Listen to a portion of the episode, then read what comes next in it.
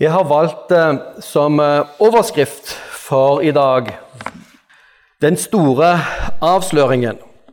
Jeg elsker sånne eh, TV-programmer som er gamle dager kaller vi detektimer. Krimprogrammer som avslører, ikke sant? Hvor hele poenget er at det har skjedd noe dramatisk, og du vet ikke før de aller siste minuttene av av programmet hva som egentlig hadde skjedd. Hvem var morderen, og hva lå bak her?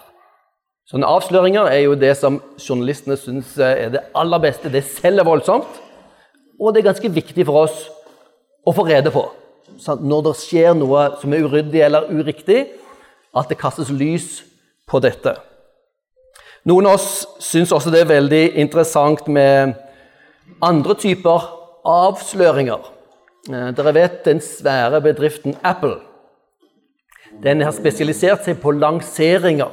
Lansering av nye datamaskiner eller telefoner. Det er et svært, svært arrangement. Det er som et show. Sant? Ikke bare nå en ny maskin. Nei, det er et svært show hvor millioner følger med live sant, på TV. Salen er full, og det er svær jubel. Og da er det en slags avduking. Sånn ser neste mobiltelefon. Den er kjempeforskjellig fra alt annet. Det er det beste vi har laget. Den er innovativ, og så den har liksom alt du måtte ønske deg. Det er en måte å, selvfølgelig, å, å, å drive Per på. Å holde publikum i mørket fram til dagen, og så avsløringen. Tesla, det er de som produserer disse elbilene, de er også gode på dette. Vet ikke om dere fikk med dere den avsløringen av eh, den eh, nye elbilen de skulle lage, som var en slags uh, bitte liten lastebil, sånn bitte liten truck med vet, 1000 hestekrefter i, og den så jo kjemperar ut. Så ingen visste hvordan den skulle så ut på forhånd, og så var det et laken oppå, dras det til side, og så et svært gisp i publikum. Og den har da skuddsikre dører. Ja, er du i Amerika? Kanskje du ønsker du det? Jeg vet ikke helt hva vi skal med det her på landsbygda Flekkerøy og i Vågsbygd. Eh, og, og under den demonstrasjonen, fikk dere med dere det? Ikke alle er like interessert i biler og teknologi som meg, kanskje. Da skulle de vise hvor, hvor, eh, hvor skuddsikre også vinduene var. Så han ene som sto ved siden av han, eh, han Elon Tusk? Møsk? Fikk en, fikk en eh, sølvkule i hånden. Kast den mot vinduet. Nå skal vi vise hvor sterkt dette her vinduet er. Og vinduet knuste. Kulen gikk ikke gjennom, så det var jo kjempepinlig, men det ble et skikkelig knus i vinduet. Så det var en avsløring som muligens gikk feil. Men avsløringer det er spesielt spennende fordi det, det er noe nytt men også fordi de forteller oss noe, noe som har foregått i lang tid, som ikke vi har kunnet vite. Det er kun en liten gjeng med innvidde som vet dette før oss. Og når avsløringen kommer, da blir vi trukket inn. Sant? Det er en fantastisk måte å drive PR på. Det er tildekking for på et punkt å avsløre. Ok. Og det er jo slik at eh, Gud holder litt på med dette med tildekking og avsløring. Gud har en stor avsløring, og når Gud avslører seg selv Du ser for deg at han skulle hatt en sånn svær sånn, sånn som Apple eller, eller, eh, Tesla har. Svær scene. Hvis Gud skulle avsløre seg selv, hvem er den sanne Gud?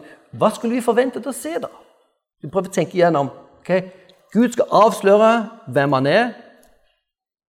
Hva skulle vi sett? Gud er jo ikke synlig. Gud er ikke materie. Han har skapt materie. Sånn.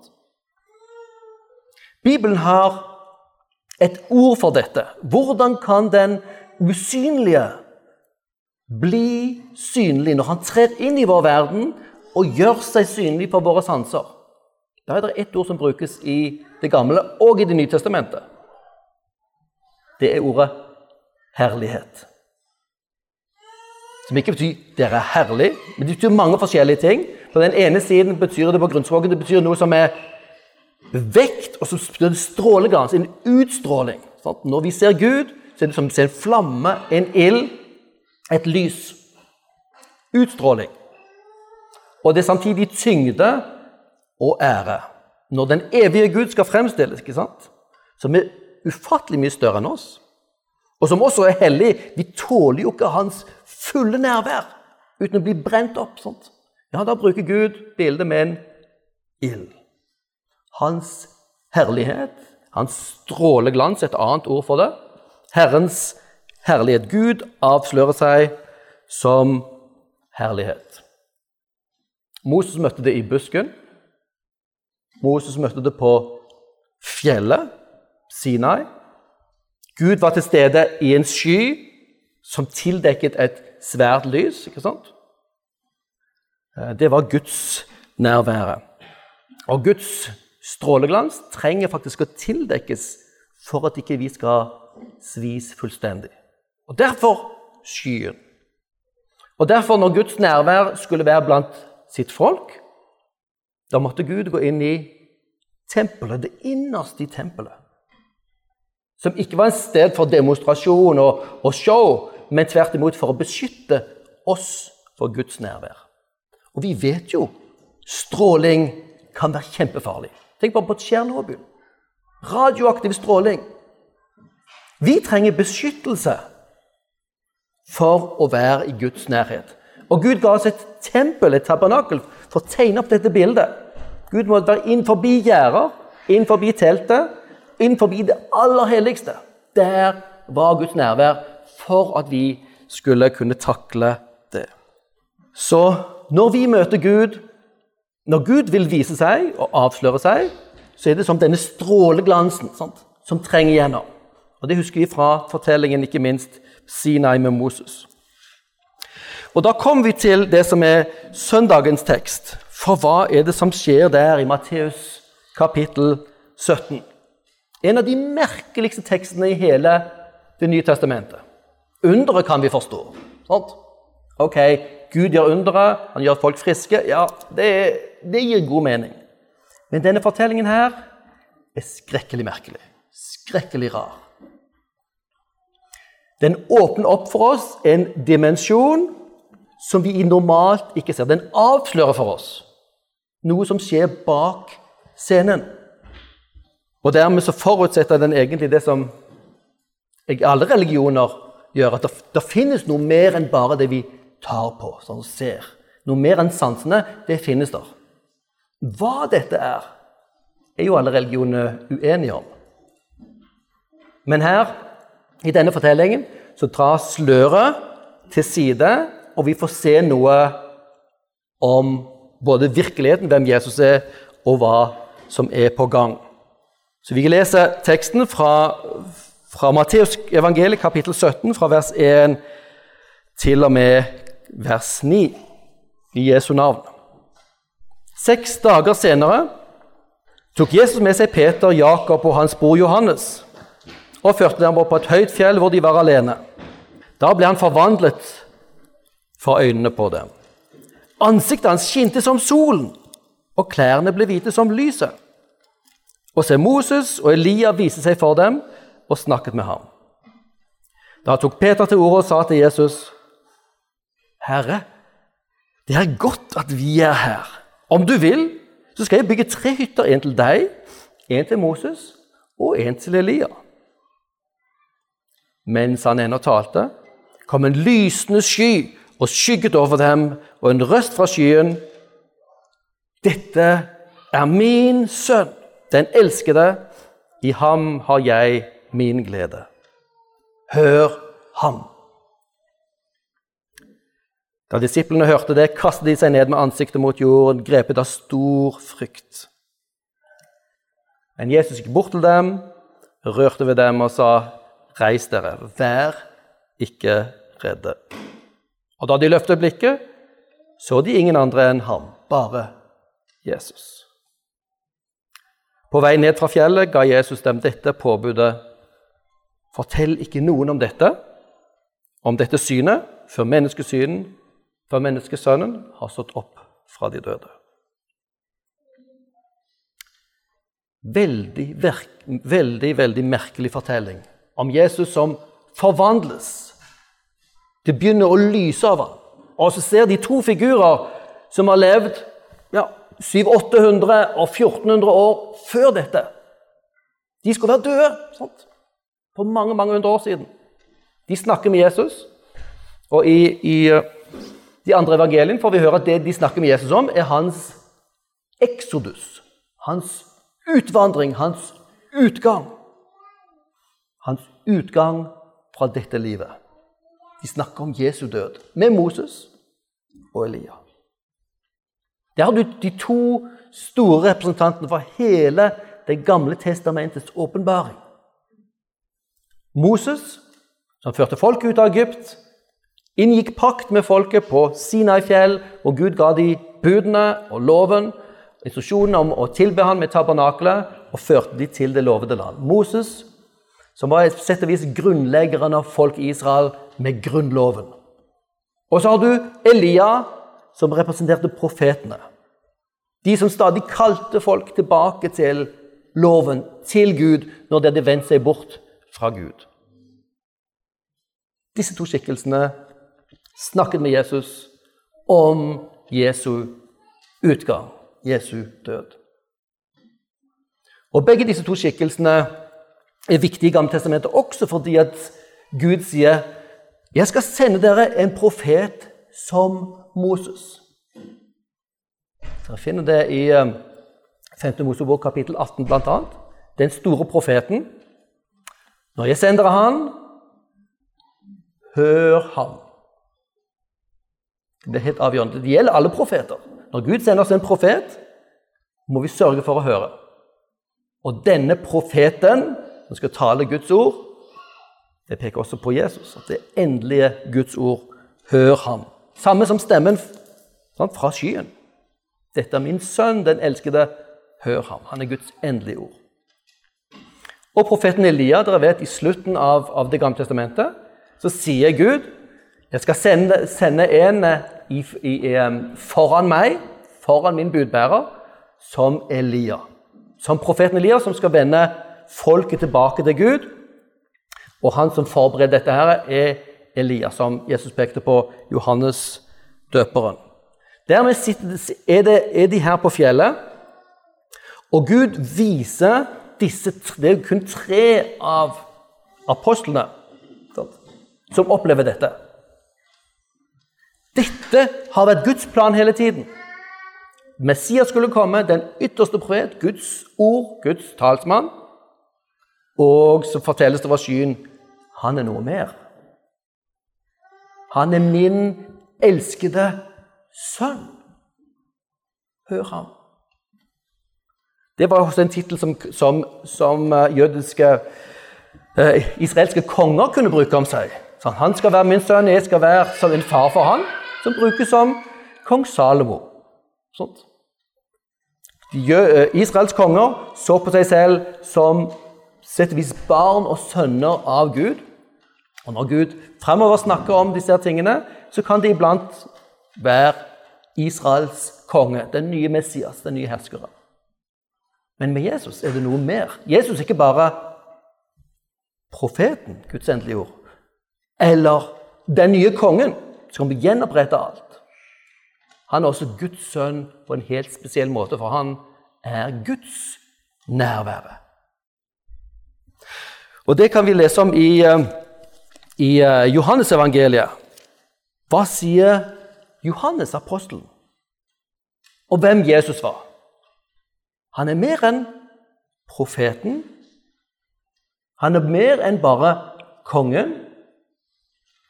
I Johannes 1, 14 så står det Ordet ble menneske. Og han har nettopp sagt at dette ordet var med Gud. Det var Gud fra evig tid. Og jeg kom til jorden. Jesus er guddommelig. Og ordet ble menneske, tok bolig iblant oss, og vi så hans herlighet. Det er Guds nærvær. Jesus bringer Guds nærvær. Han er ikke bare et forbilde eller et ord. Han representerer Gud selv.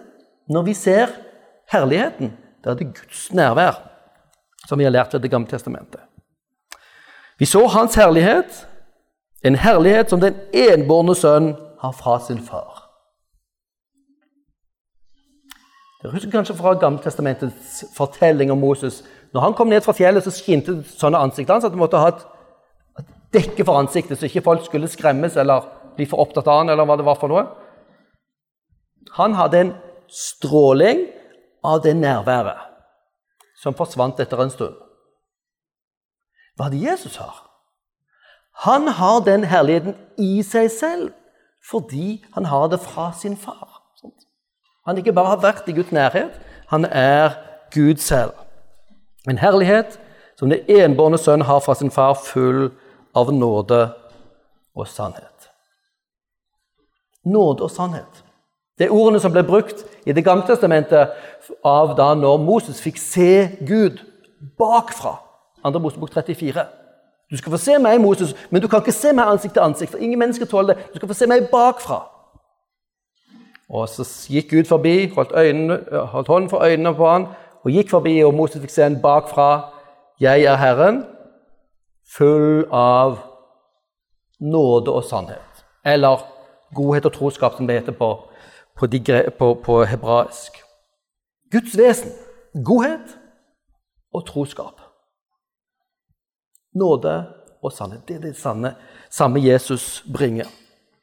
Og Det er interessant at denne, denne, strålingen som vi ser her, den herligheten vi ser på fjellet, som kanskje var fjellet Herman, eh, ikke usannsynlig i, eh, i Israel eh, I Johannesevangeliet, når man ser Jesu herlighet, så er det faktisk helt spesielt Jesus på korset. Han løftes opp.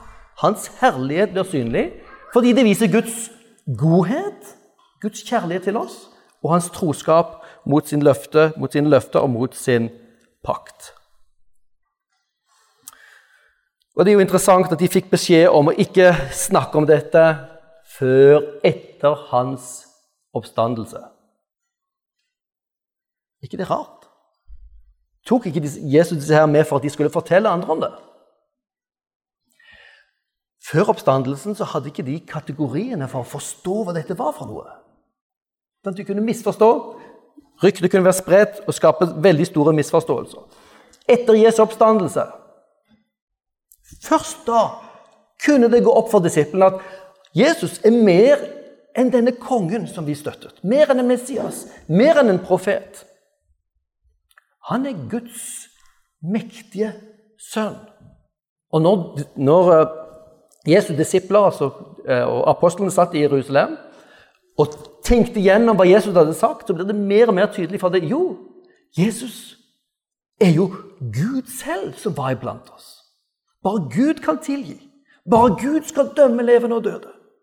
Bare Gud er den som går på vannene. Sånt. Gud er den som gir mann og ørken. Alle de tingene Jesus hadde gjort. Det ble synlig i etterkant. Hvilken herlighet som vi kunne se gjennom Jesu handlinger. De hadde ikke kategori, de kunne ikke forstå dette før etter oppstandelsen. Da hadde avsløringen skjedd. Det skjedde, en, det skjedde en avsløring på fjellet her. Det skjer en avsløring ved Jesu oppstandelse for de som vil se det. Nemlig at Gud tar parti ved Jesus, som hevdet han var Guds sønn, og av makter og myndigheter henrettet for sin gudsbespottelse. Gud tar Jesu parti, reiser han opp og bekrefter at han er Guds mektige sønn ved oppstandelsen fra de døde. Romerne 1,4. Oppstandelsen er avsløringen at han er Guds representant. Han taler sant om hvem han er, når han Jesus snakket om at han var Guds sønn, og så når han snakket om menneskesønnen. Det var han fra Daniel som kom fra himmelens skyer skulle dømme alle folk. Og Det er litt interessant å denne, denne, fortellingen finner du igjen i tre evangelier. Og så ser du Peter henvist til den i sitt andre brev, hvor han minner de på Jeg vil stadig mindre på ny om dette enn dere kjenner til det, grunnfestet, sier han i 2. Peter 1,12. I den sannhet som er kommet til dere, Og hva er den understreket da? Jo, vi fulgte ikke klok, klokt uttenkte myter da vi kunngjør for dere vår Herre Jesu Kristi kraft og Hans komme. Det var budskapet de, de forkynte Herre Jesu Kristi kraft og Hans komme. Det vil ikke si at vi snakker om hans første komme. Den ble født av jomfru Maria, og så livet hans. Det peker til hans andre komme.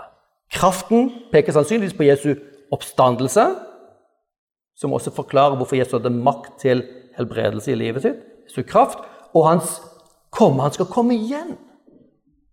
Dette er det vi forklarer, for, forteller dere. Jesus kom igjen. De avslører ikke bare hvem Jesus er, men hva Guds plan er for fremtiden. Så dere kan innstille dere på det. Sant? Og for Peter var det, det viktigste ikke bare at gjenkomsten er realitet, men at dette er troverdig. Dette er ikke en klok, uttenkt myte. Myte er et negativt ord i hele Det nye testamentet. Det vi kom med, ikke sånne ting vi har kommet på i det hele tatt. Vi var øyenvitner. Vi så hans guddommelige storhet. Her sier Peter, 'Jeg var der. Jeg så det. Jeg så hans guddommelige storhet.' For han fikk ære og herlighet av Gud sin far den gangen røsten lød over ham fra den høyeste, her høyeste herlighet. 'Dette er min sønn, den elskede. I ham har jeg min glede.' Vi hørte selv denne røsten fra himmelen da vi var sammen med ham på dette hellige fjellet. Dette er like reelt og viktig som at vi sitter her nå, som at vi skal kanskje ha kaffe i etterkant av dette. Peter sier dette opplevde vi. Vi er øyenvitner. Derfor er det troverdig. Og så sier han derfor står også profetordet så mye fastere for oss. Dette er ikke myter. Dette er øyenvitnefortellinger. Og det er basert på et profetord. Profetene i Det gamle testamentet er en helt unik gjeng med profeter i verdenshistorien. Dere vet, I det gamle, i gamle, gamle tider, gammeltestamentlige tider så hadde jo nesten alle konger med seg noen slags profeter som hjelp. De var ofte spåmenn samtidig.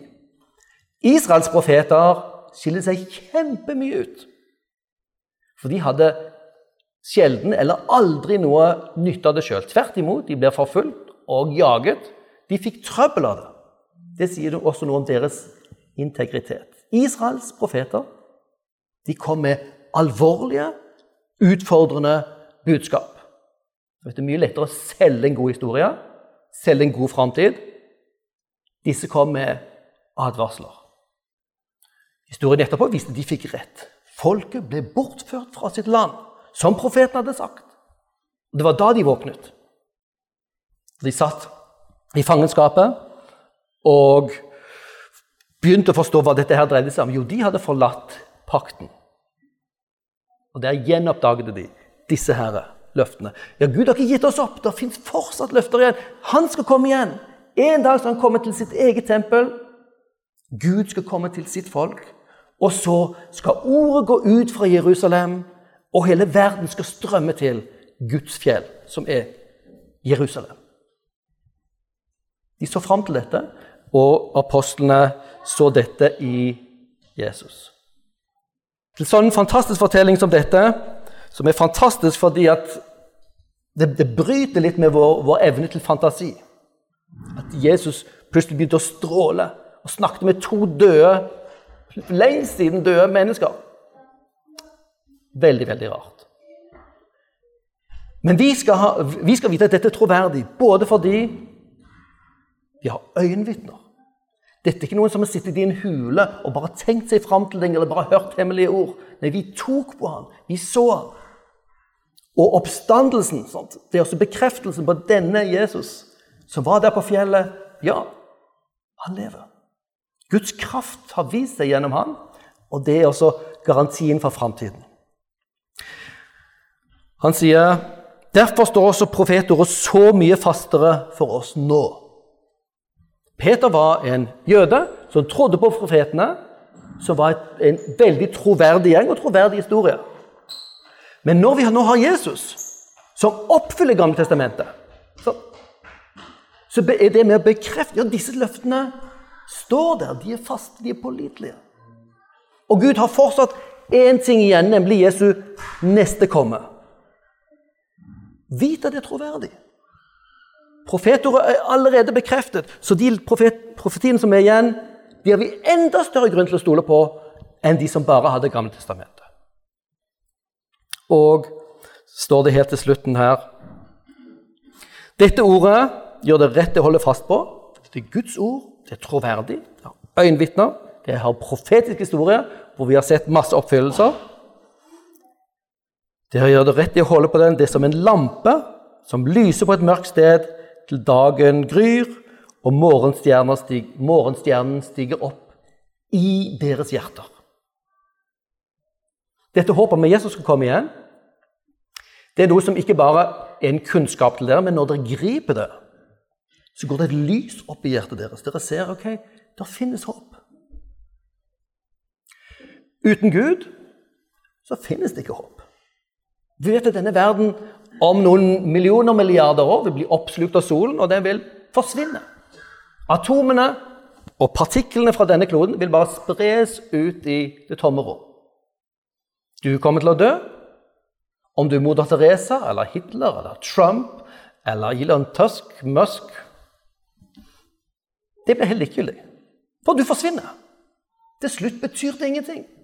Ditt liv betyr ingenting. Det finnes ikke håp. Ikke håp for deg, ikke håp for verden, hvis ikke Gud finnes. Her sier Peter her har vi et håp som ikke bare er håp fordi vi trenger noe å håpe på, men vi var øyenvitner til Guds kraft, Jesu oppstandelse.